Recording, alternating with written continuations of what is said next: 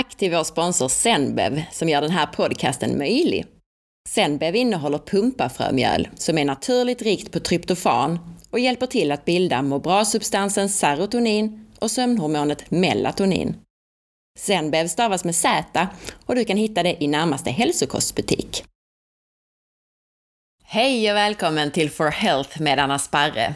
Idag ska vi prata om skillnaden mellan att vara i sockerdrift och fettdrift och vilka konsekvenser det här har för vår hälsa, vikt och kroppssammansättning.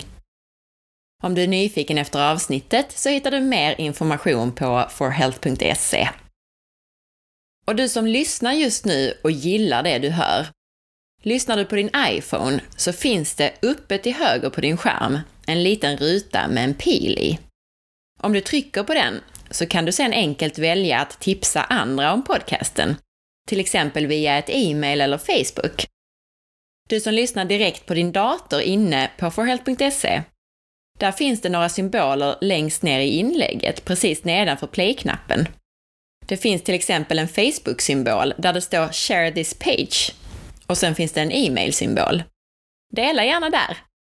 Ju fler som lyssnar, desto intressantare intervjupersoner får jag hit och desto mer tid kan jag lägga på att göra bra avsnitt. Till dagens ämne då, det här med fettdrift och sockerdrift. Vi bränner både socker, alltså blodsocker, och fett. Alla bränner både och, men fördelningen av hur mycket fett i förhållande till socker, det varierar. Vi är gjorda för att använda fett som huvudsakligt bränsle.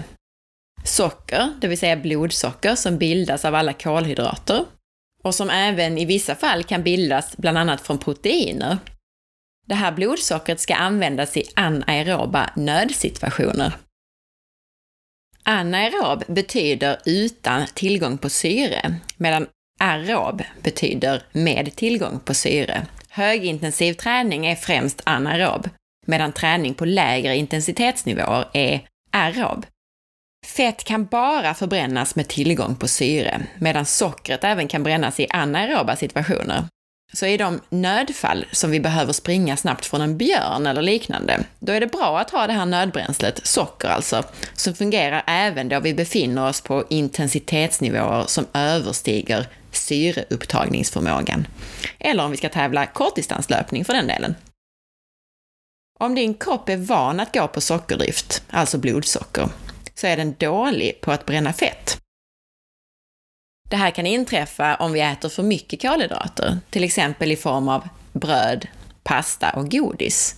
Och eller om vi äter för lite fett, eller faktiskt också om vi äter för mycket protein. Ger vi kroppen lagom med protein, mycket fett och bara naturliga kolhydrater som grönsaker till exempel, så går kroppen istället på fettdrift och tar till blodsocker i anaeroba nödsituationer. Äter vi för mycket kolhydrater så får vi ju bland annat högt insulin, vilket ger fettinlagring och just avstannad fettförbränning. Ett högt blodsocker är dessutom inflammationsframkallande och ger i längden diabetes, men det har vi pratat mer om i andra avsnitt. Om kroppen går på sockerdrift så är den extremt känslig för om du inte tillför kolhydrater konstant. Därav så sägs det att det är så viktigt att äta frukost och mellanmål hela tiden om du lever enligt kostcirklar och annat. Och detta är inte bara för att du blir låg om du hoppar över mellanmålet, utan för att kroppen faktiskt bryts ner. För så fort kroppen inte då får blodsocker via kolhydrater i kosten, så kommer proteinet i kroppen via gluconeogenes att göras om till blodsocker. Det betyder att dina muskler och andra proteiner bryts ner Proteiner har du även i benstommen, i ditt hjärta och så vidare. Du bryter helt enkelt ner kroppen. Jag ska förtydliga allt det här konstiga jag sa nyss. När kroppen går på sockerdrift, den är van att få kolhydrater som bryts ner till blodsocker, så är det vad kroppen är bra på att använda som energi. Vad händer då när blodsockret sjunker, när vi missar ett mellanmål eller på natten? Jo, då finns det en fin process i kroppen som kallas för glukoneogenes, det här ordet som jag nämnde tidigare. Det betyder nybildning av blodsocker och är ett sätt för kroppen att omvandla protein till blodsocker. Så är vi i sockerdrift så kommer vi också att ta protein från muskler och skelett. Jag kommer till skelettet snart. Vi tar alltså protein från kroppen för att förse kroppen med bränsle i form av blodsocker. Vad är lösningen då? Jo, vad är det vi vill använda för depåer i kroppen? Fettet såklart. Lösningen är fettdrift istället för sockerdrift. Alltså äter vi mycket fett så är kroppens huvudbränsle fett. Är vi utan mat en period då, men normalt äter mycket fett, så tar kroppen av något som även den smalaste människa har gott om. Fett, eller underhusfett. Går du på fettdrift så är kroppen alltså istället okänslig för tillfällig matbrist. Då är den duktig på att ta av dina fettdepåer om det inte skulle komma bränsle via maten. Bra va? Om vi tänker på evolutionen, alltså alla miljoner år som vi levt som jägare och samlare. Ja, det har faktiskt funnits människoliknande varelser i flera miljoner år, även om den moderna människan bara är ett par hundratusen år gammal. Då har vi alltså levt som jägare och samlare och under större delen av året så gick vi på fettdrift. Det var ju bara på sensommaren som det fanns gott om kolhydrater och socker i form av frukt och bär till exempel. Resten av året så fick vi tag på växtdelar, alltså grönsaker och rotfrukter och liknande så att säga. Men i övrigt så åt vi feta delar på djuren. Vid fettdrift så bildar kroppen dessutom ketoner, vilket du kan lära dig mer om i avsnitt 12. Ketoner skyddar bland annat hjärnan mot Alzheimers och andra sjukdomar, vilket du dessutom kan lära dig mer om i avsnitt 33. Och tänk också på det som jag pratade om i avsnitt 16, om protein. Även för mycket protein kan göra att vi bibehåller en sockerdrift.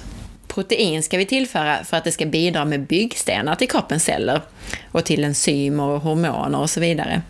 Men överskott av protein, det blir blodsocker. Proteinet har ingenstans att ta vägen eller lagras nämligen om det inte används i, i celluppbyggnad, som till exempel i muskler. Och det betyder att även om vi tror att vi har en enormt bra fettförbränning för att vi har gått över till en low carb-kost, så kan vi lura oss själva genom att vi har en ständigt pågående glukoneogenes, där aminosyror omvandlas till blodsocker. Vi fortsätter alltså att gå på sockerförbränning istället för på mer hälsosam fettförbränning. Dessutom så är det onödigt att belasta kroppen med för mycket restprodukter från proteinnedbrytningen. När jag har föreläsningar och berättar om hur kolhydrater blir blodsocker och stimulerar insulin och att insulinet har en fettinlagrande effekt, då får jag ibland kommentaren, ja men, jag äter ju massor med pommes och pasta och har alltid varit smal, eller den smalaste jag känner lever faktiskt på mackor. En av anledningarna till de här smalaste som finns-personerna, det handlar om kroppskompositionen kopplat till sockerdrift. En del av det här smala hos de här människorna, det är för att kroppen äter på deras muskler för att göra om dem till blodsocker. De kanske inte lagar in så himla mycket synligt fett, även om man kan fråga sig hur det ser ut med organfettet, det viscerala fettet på insidan alltså. Men insulinet stoppar även deras fettförbränning. Och de är i sockerdrift. De smala kolhydratätarnas fettprocent behöver därför inte vara så himla låg, men de har sannolikt svårt för att bygga muskler och kanske har de dessutom en hel del ohälsosamt fett runt organen. Och som jag redan har varit inne på så har det här med att det är bättre att vara i fettdrift inte bara med viktnedgång att göra. Det är klart att det är bra att kunna bränna fett om man vill gå ner i vikt. Men fett är hälsosammare att förbränna än socker. Socker är egentligen bara nödbränslen för de här anaeroba nödlägena. Och sådana nödlägen kan ju vara då om vi behöver sprinta snabbt från en björn eller jaga ett byte. Men det är skadligare för kroppen att bränna socker än fett. Man kan säga att det bränns vid en högre temperatur för att förenkla. Och det här med sockerdrift eller fettdrift är också en enormt viktig faktor för benskörhet faktiskt. Det är ett evinnerligt tjat om benstyrka kopplat till kalcium.